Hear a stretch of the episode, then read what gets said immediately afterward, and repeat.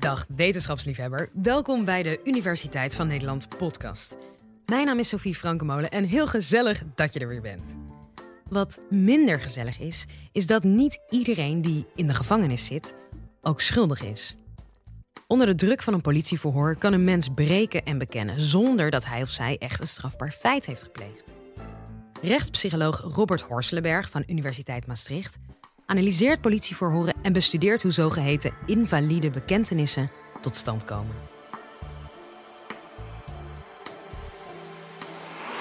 Dit is de Universiteit van Nederland. Stel je voor, je bent een man en komt op een avondje thuis nadat je een paar uur bent wezen wandelen. Niets vermoedend stap jij je woning binnen en je treft je vriendin aan. Neergestoken ligt zij op de grond. Een groot mes steekt nog in haar lichaam. Je voelt of ze nog leeft, maar ze voelt koud aan. Ze lijkt morsdood. Uit wanhoop probeer je nog het mes eruit te trekken. Je probeert haar nog te reanimeren.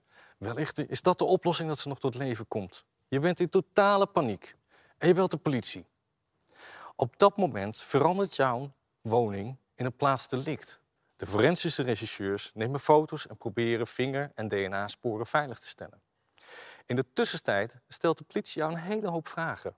Wat is er gebeurd? Wat heb je gezien? En wat heb je gedaan tijdens de wandeling vanavond? En wat jij misschien in eerste instantie nog niet doorhebt, jij bent de hoofdverdachte. Al vanaf het allereerste moment dat de politie jouw appartement binnenstapte. Voor jou misschien gek, want het is toch jouw partner. En oké, er waren wat strubbelingen, maar je hebt haar nog geprobeerd te redden en toch ook zelf de politie gebeld. De vragen van de politie worden steeds botter en steeds aanvallender. Ze vragen jou om geldig alibi en of er mensen zijn die dit kunnen bevestigen. Maar jij was gewoon rustig een rondje wandelen. De politie heeft alle reden om jouw verhaal in twijfel te trekken. Ze is nu eenmaal vermoord in jouw huis. En daarnaast is het nu eenmaal zo dat vaker de partner de dader is. Het is een simpele kansberekening dat ze met jou de grootste kans hebben om de moordenaar te pakken. Je wordt meegenomen naar het politiebureau en urenlang, misschien dagen, zelfs wekenlang verhoord. Hoe groot is nu de kans dat jij uiteindelijk nog op vrije voeten komt? Als we in nood van technisch bewijs zitten, er zijn bijvoorbeeld geen camerabeelden, je bent niet op hete daad betrapt, is een verklaring het meest waardevol. Je hebt een bekentenis nodig van de dader. En daar is het politieverhoor voor. Het basisprincipe van het Nederlands politieverhoor is interne druk uitoefenen. Wat daarmee wordt bedoeld is niet duidelijk, omdat het nergens wordt omschreven. Maar het moet je ongemakkelijk doen voelen. Dit is de manier om een bekentenis uit iemand te krijgen. En dat werkt vaak ook. Als jij de dader voor je hebt, zie je dat hij vaak onder deze druk bezwijkt en de waarheid vertelt. Wat alleen het probleem is, is dat op het moment dat jij een onschuldige van het delict verdenkt, er een kans is dat hij ook onder deze druk bezwijkt en een bekentenis aflegt. Ik ben rechtspsycholoog en ik hou me al jaren bezig met het analyseren van politieverhoor. Ik bestudeer grondig de manier waarop de politie verhoort en hoe de bekentenissen tot stand komen. In dit college zal ik uitleggen wat er mis kan gaan bij zo'n verhoor. Niet altijd, maar wel vaak genoeg om te stellen dat dit een serieus probleem is. Een mooi voorbeeld van zo'n zaak waar dat verhoor niet goed ging, vind ik die van Kim Visser, een jonge moeder die werd verdacht voor de moord op haar twee jonge kinderen. Zij is bijna 60 uur verhoord en ik heb de opnames van haar verhoren bekeken en ook beoordeeld. Het is soms urenlang en wel eens niet eens gesprek. En ik heb zeker tienmaal gehoord, Kim, je liegt. Na een week lang isolatie, slaapgebrek en 7 kilo afgevallen te zijn, komt zij met een verklaring. In de vorm van ja-nee antwoorden. Pakte je toen het mes? Ja. Maar echt zelf gesproken heeft ze niets, is niet met een verhaal gekomen. Of Kim Visser de echte dader is, wie zal het zeggen? Maar wat we wel kunnen zeggen, is dat het verhoor dat ik gezien heb bij Kim, wat mij betreft, de route naar een invalide verklaring heeft laten zien. Het is namelijk dé manier om een onschuldige te laten bekennen. En die route kan ik uitdrukken in vijf fases. Laten we eens kijken of dit jou ook zou kunnen overkomen in de situatie waarin je je partner dood hebt aangetroffen. Laten we teruggaan naar jouw zaak. De politie, dat had je al gemerkt, komt al vanaf het begin af aan met een sterk vermoeden dat jij de dader bent. Dat is direct ook de eerste fase van die route, de schuldpresumptie. En dat vermoeden kan ontstaan door hele kleine dingen. Ze weten dat je relatieproblemen hebt. Ze weten ook dat je eerder een affaire hebt gehad. En de buren hebben jullie ruzie horen maken. Maar op het moment dat ik denk dat jij de dader bent, ga ik sporen wel anders interpreteren. Dat mes waar jouw partner mee is gestoken, daar zaten jouw vingersporen en jouw DNA op. Maar wie sluit uit dat deze sporen er niet op zijn gekomen omdat je al eerder dat mes hebt gebruikt bij het koken? Je vraag moet wel gesteld worden en dat gebeurt niet altijd. Al deze aanwijzingen stapelen zich op en zullen dit vermoeden dat jij de dader bent versterken. En wat er dan gebeurt is eigenlijk heel menselijk. Andere scenario's komen vaak niet meer aan bod. Misschien had je partner een boze ex-partner of had zij een minnaar. Je weet het niet. De politie zal jou vervolgens allemaal vragen stellen om hun vermoeden te bevestigen. En jij bent braaf, je werkt mee en beantwoordt alles netjes. Alles wat ze willen weten. Maar dan gaan we ook direct door naar fase 2. De verdachte spreekt. Je zit daar niet als onschuldige alles wat jij zegt is verdacht. En fase 3 hangt hier nou mee samen. Dat is namelijk leugens herkennen. Je vertelt immers niet wat zij willen horen als jij ontkent het gedaan te hebben. In het verhoor van Kim Visser heb ik wel tientallen malen gehoord: Kim, je zou eerlijk zijn en niet meer liegen.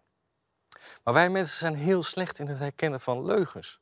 Maar door verhoorders wordt toch nog te vaak gedacht dat ze ze wel kunnen zien. Ah, je hebt dorst. Dat komt omdat je liegt. Want van leugens vertellen krijg je dorst. Of, hé, hey, je kijkt naar linksboven. Dat is kenmerkend voor het vertellen van een leugen. Alles wat niet in de buurt komt van de waarheid, is daarmee een leugen. Maar je voelt het probleem al aankomen. Wat is de waarheid? Ook als we in het Nederlands handboek van verhoor kijken, komen we hier een lastig punt tegen. Heel lang stond er geschreven dat wanneer de verdachte richting de waarheid gaat verklaren, de druk er wat van af mag. Maar dat is dus de waarheid die de politie denkt gevonden te hebben, namelijk dat jij de dader bent. Anders zat je daar immers niet. En dat is een cruciaal probleem. Tijdens verhoor mag je dus druk uitoefenen om een bekentenis te krijgen die past bij hun waarheid. Recent is dat overigens veranderd. Nu staat er dat wanneer de verhoorder doorheeft dat de verdachte verklaart in de richting van de tactische aanwijzingen, de druk ervan af mag. Maar feitelijk is dat hetzelfde. Want dat is precies weer de manier waarop dat mes met die vingerafdrukken is geïnterpreteerd. Het is dus hun woord tegen het jouwe. En stel, jij vertelt me niet wat ik wil horen. En ik ben de verhoorde. Ja, dan word ik heel boos. Want het is een wel eens niet een spelletje zo aan het worden. Je zegt de hele tijd dat je het niet hebt gedaan, maar ik weet dat je het wel hebt gedaan. En door al die leugens die jij maar zit te vertellen, word ik boos. En zolang jij niet zegt wat zij willen horen, mag de druk worden opgevoerd. En daarvoor gebruiken ze een paar trucjes. En daarmee belanden we ook automatisch fase 4. De meest gebruikte truc ondertussen is bluffen over mogelijk bewijs. Stel, we vinden DNA van jou. Hoe kun je dat uitleggen? Of wat als deze getuige, die nu hier is, jou herkent? Soms liegen ze ook over bewijs dat er niet is. En ja, dat mag eigenlijk niet. Maar ze doen het soms wel. Zoals over iets wat een getuige gezegd zou hebben. Daarnaast gebruiken ze minimalisatie. Bijvoorbeeld als ze benadrukken dat het allemaal niet zo nodig is dat er wordt bekend, maar dat het vooral voor de nabestaanden belangrijk is te weten wat er is gebeurd. Of het tegenovergestelde van minimalisatie, juist de maximalisatie. Dan benadrukken ze juist hoe gruwelijk de moord was en dat de familie er zo onder lijdt dat jij dit hebt gedaan. Alles in de hoop dat je gaat bekennen. Een andere verhoormethode is de imaginatietechniek. Daarmee laat je niet de verdachte spreken, maar schetst de verhoorde een scenario.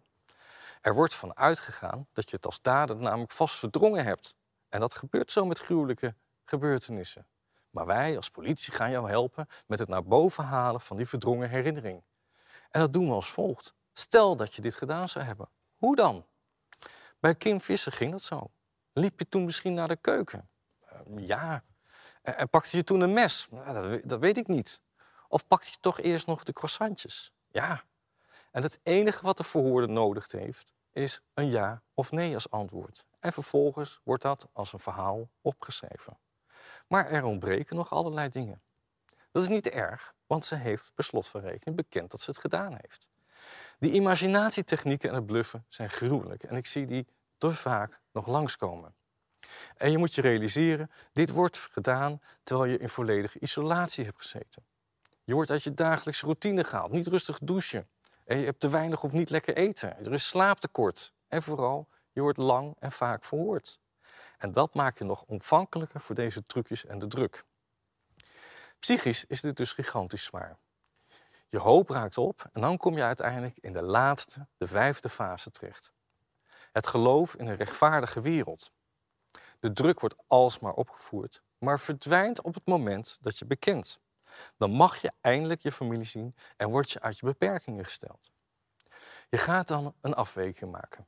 We weten dat je op een korte termijn vaak kiest voor een beloning. En je maakt dan inderdaad de afweging, ik beken nu en ik ben hiervan af. En veel mensen die ten onrechte veroordeeld worden, denken dat men er later, de lange termijn, wel achterkomt dat je onschuldig bent. Je gelooft in een rechtvaardige wereld. Dus je bekent en de zaak is opgelost. En dan zit je dan als onschuldig in de gevangenis. Het team wordt opgedoekt. Losse eindjes die er misschien nog zijn, laat maar zitten, want de zaak lijkt rond. De verklaring, de koningin van het bewijs, is eenmaal binnen. Deze fases die ik zojuist heb beschreven, zijn wat mij betreft een route naar een invalide verklaring. En inderdaad niet standaard bij elke verdachte.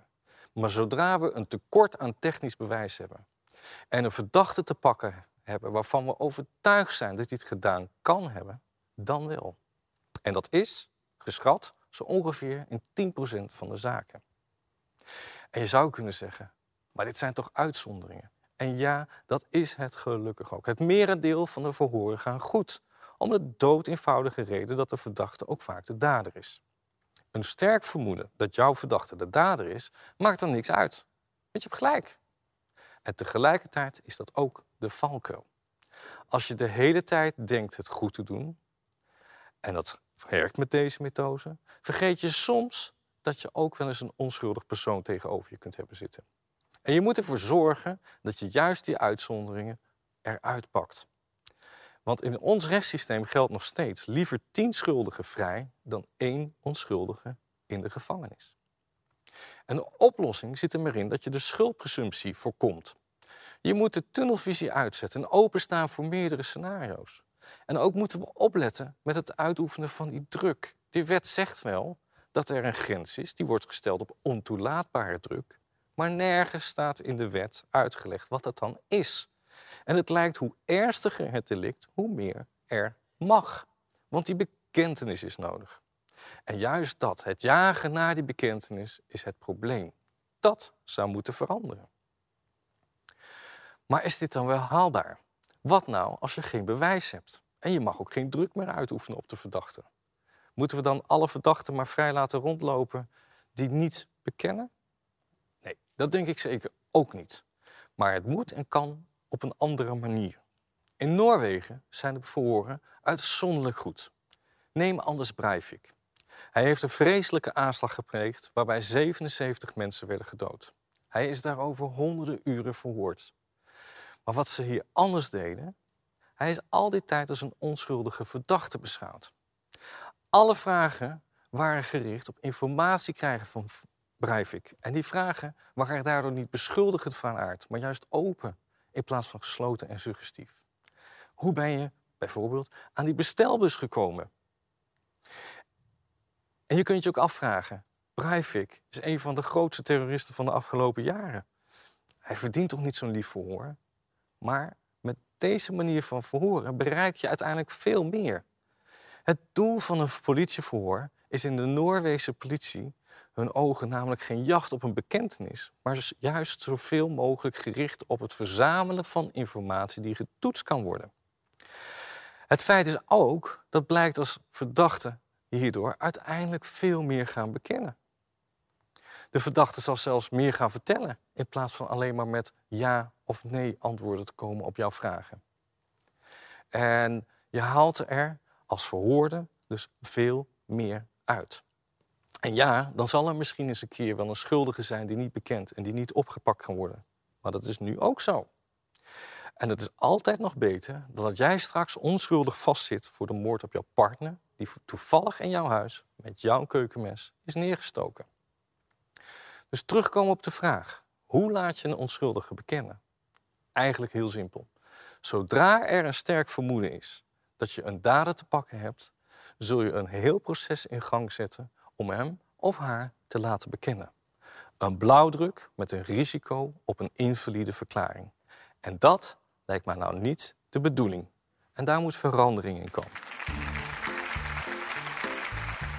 Dat was Robert Horselenberg. En wil je nog even verder luisteren? Check dan vooral de rest van onze playlist, want we hebben nog veel meer colleges voor je in de aanbieding. Volgende keer iets heel anders. Dan gaan we het hebben over het blok aan je been waar iedereen iets mee moet. Belasting. Want waarom betalen we eigenlijk zoveel belasting? Je hoort het in het volgende college. Tot dan.